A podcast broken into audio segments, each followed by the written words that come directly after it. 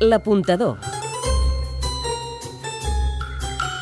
Les estrenes de teatre amb Pep Vila. Atenció, oients, tots d'en peus.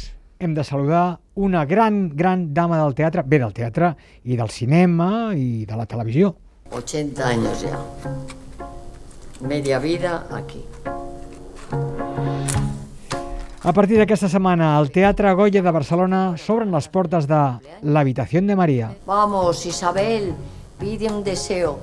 I dins d'aquesta habitació, ella, Concha Velasco. Ser feliz. L'aposta de l'apuntador. Tres motius per veure-la. El primer, Fa dues setmanes, Imanol Àries. La setmana passada, Cayetana Guillén Cuervo. Ara, la gran Concha Velasco. Un autèntic esdeveniment als escenaris.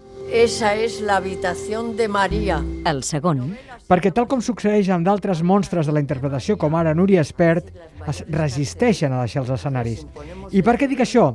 Doncs crec que no resistirien si no poguessin seguir mostrant el seu talent i el públic ho agraeix, ho agraïm i anirem.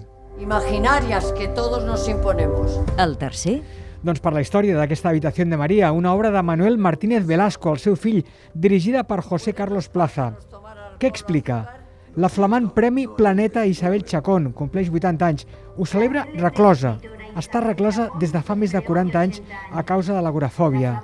Tot el que necessita li porten, però aquella nit hi ha un incendi i els habitants de l'edifici han d'evacuar-lo.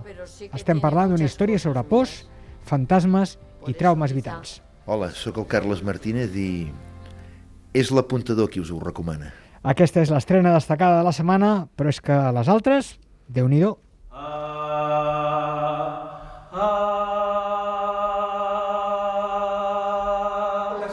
L'olor eixordadora del blanc, Acadèmia Teatre, Van Gogh, protagonista. Tots els personatges marcats per la seva relació amb el color, el domini del blanc, o sigui, les parets del manicomi i els vestits dels que hi ha allà redueixen el gran pintor holandès a un estat de frustració i d'immobilitat. El director de l'obra, Moreno Bernardi, dibuixa, a partir dels personatges de Stefano Massini, el dramaturg d'un teatre psicològic, una forma valenta de llenguatge teatral.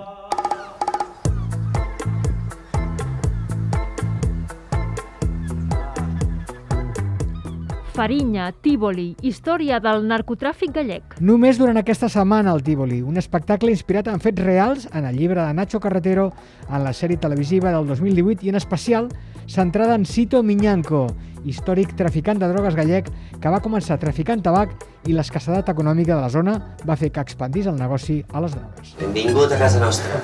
Hem trobat a faltar... Ai, sí. Oh, i tant que sí, sí, sí.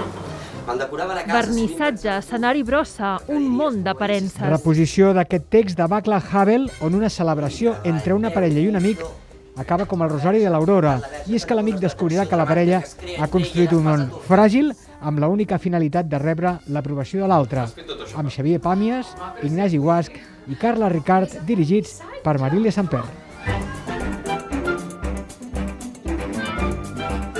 les recomanacions.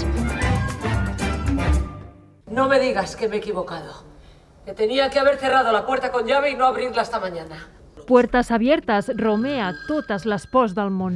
Poc després dels atentats terroristes a París, a la sala Bataclan, sorgeix el hashtag Portes Obertes i Juli obre la porta de casa seva a una necessitat. El millor. L'atmosfera de l'habitació, que canvia de color, on se succeeixen les intrigues, les pors, els girs i, al fons, darrere la finestra, segueixen esclatant bombes i trets. 6 millones de musulmanes en Francia. El pitjor, L'obra vol acostar-se tant a l'espectador, mostrar tantes pors, que no aconsegueix transmetre-les totes. ¿Qué hacías en la biblioteca? Estabas... estabas... un moment per recordar. Alguns girs dramàtics i també còmics que protagonitza Cayetana Guillén Cuervo, l'autèntica reina de la funció. O Siria, o Túnez, o Nigeria, o Egipto. En definitiva, És un còctel de contradiccions i emocions de l'ésser humà. Quan aquestes van acompanyades d'unes petites gotes de sentit de l'humor, puertes abiertes, aleshores sí, s'obre de bat a bat. l'apuntador. Les estrenes de teatre amb Pep Vila.